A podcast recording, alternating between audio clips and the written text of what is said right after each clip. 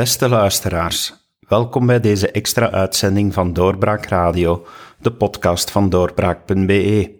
Na zeven maanden juridische strijd konden Carles Puigdemont en Tony Comín gisteren hun zetel innemen in het Europees Parlement.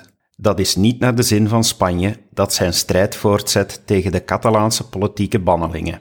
Lucas de Vos sprak exclusief voor Doorbraak Radio met Carles Puigdemont, voortaan dus Europees parlementslid. Carlos Puigdemont, congratulations. You're finally here. It took a long time, but you were not happy, you said yesterday. No, no not at all, because uh, we miss another MIP who still is in jail, Real Junqueras. He must be among us today as a full MP, and we will fight. We will fight in order to defend his rights. Mr. Junqueras is also a member of the Green Party, of the Green fraction here in the European Parliament. You are uh, negotiating to join that party as well? Uh, we applied uh, several months ago to be part of that, uh, the, the, that mm, group because in the majority of the, of the European Free Alliance, actually. yeah yeah yeah, Uh, in our list there was several members of the green parties. Our uh, program is full of green commitments. Um, so it's the best political family we can join. We'll see. Yeah.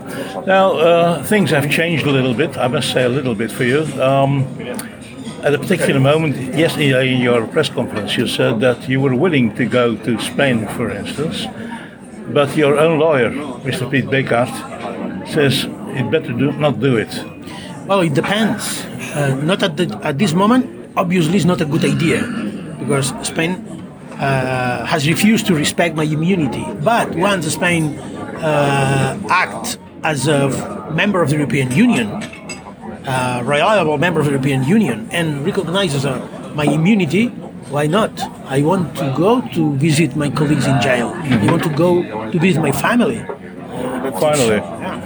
And at the same time, uh, you keep your headquarters in Barcelona. Uh, well, mm, I have a, an office uh, uh, as a former president, and uh, with uh, Toni Comín and probably Clara Ponsatí, we are planning to open uh, a parliamentary office, office in Barcelona. And also in Brussels? Uh, well, in Brussels, we have a desktop in the building of the European Parliament. So, Of course. And you sit in Waterloo. Yeah, I'm living there. yeah, I, I know. Um, how did you react, in fact, to the the way Mr. Sassoli yesterday managed the opening of the Parliament? I think it's the consequences of uh, the high uh, and huge pressure uh, uh, from the Spanish uh, members against European president, uh, Parliament presidency.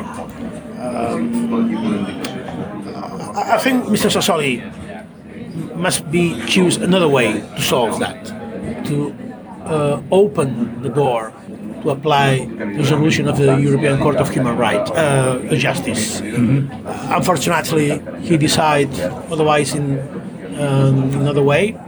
Uh, we'll see.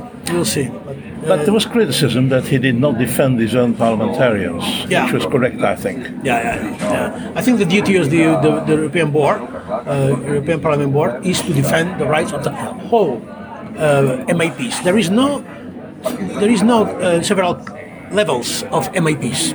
All are the same MIPs with the same rights and same freedoms. So we believe, we are confident that the presidency will ensure we, all of us, uh, has the same rights to, to act as a full MP. Yeah. Now, I've seen the situation in Spain at the moment. Um, the Esquerra is backing, in a way, the new uh, Sanchez government. What is Junts per Catalonia going to do? uh, concerning the Spanish uh, government. The Spanish Uh, we yes. voted against uh, the nomination of uh, Prime Minister Pedro Sanchez because we know him and we know uh, what kind of politics uh, can do uh, Socialist Party.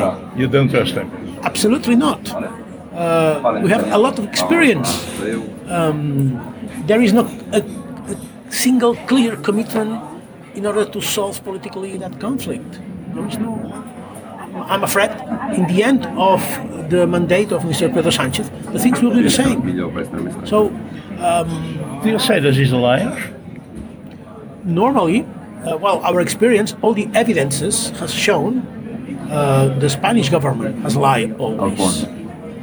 And uh, this is the reality. It would be better to have new elections in that case, than No, with, with no, the no, no, possibility no, no. that the No. conservatives. Uh, the better solution was to uh, group all the Catalan parliamentaries uh, who defends the right, the right of self-determination, and to start negotiation process with with the candidate who want to have our votes, our support. We we have a position, a very strong position in the Spanish Parliament, in order to put conditions yeah. uh, to the Spanish government. Uh, I think that was the, the best way. Now, Mr. Sanchez has promised that within two weeks he would open negotiations with the Catalan government again. But you said yesterday, um, I have only one regret is that I did not immediately announce uh, independence. Well, um, for the moment, all, the, all that mm, Prime, Prime Minister has said is that uh, dialogue table uh, was in, will be in the frame of the Spanish Constitution according to the interpretation of the main political parties in Spain. That it's nothing. Uh, our problem uh, is, is clear. We want to vote. We want to exercise our right of self-determination. And just uh, Pedro Sanchez, uh, just today, he has always says that is we want to doesn't discuss. So what, what kind what kind of solution could uh, uh, could issue uh, from that uh, table? We are not demanding a little, a teeny improve of our self-government. We are demanding to exercise uh, our right to decide our future. Okay. Now back to the procedure in that case. Um, Sassoli referred to a decision of the Spanish High Court which confirmed uh, the, the fact that Mr. Junqueras was not uh, a member of the European Parliament anymore. The problem is the argument, which was he was already, well, only uh, he got his punishment only in December. So in fact, at the moment, he was in jail, okay, but he was free to stand to stand for, for the election. Exactly. Why, Uh, that- that- that why, is- why do you not, or is it perhaps here in the parliament, why is there not a group that uh, opens up uh, a procedure or a judicial problem in, in Luxembourg against Spain as a state?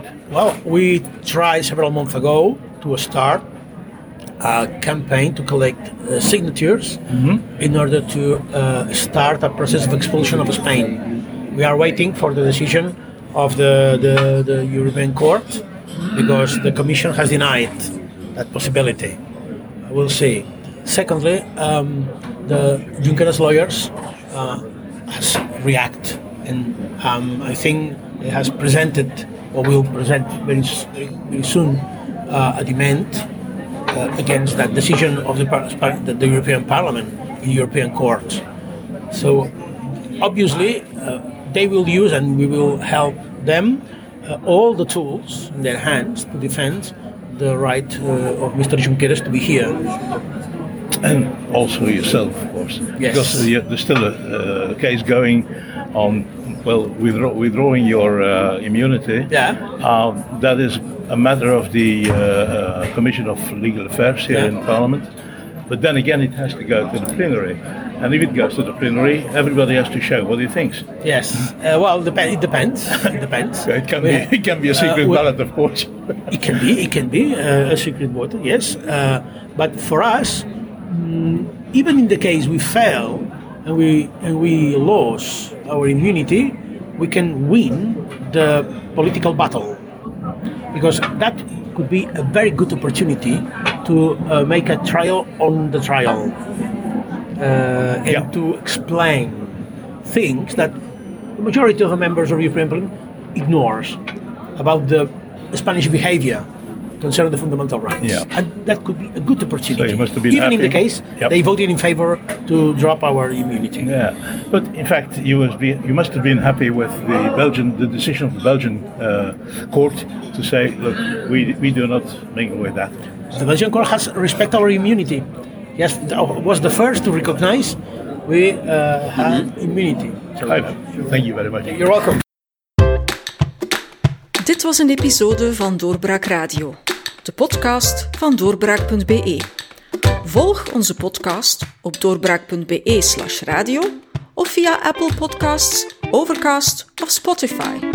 Bezoek ook onze website op doorbraak.be en steun ons door een vriend te worden van Doorbraak.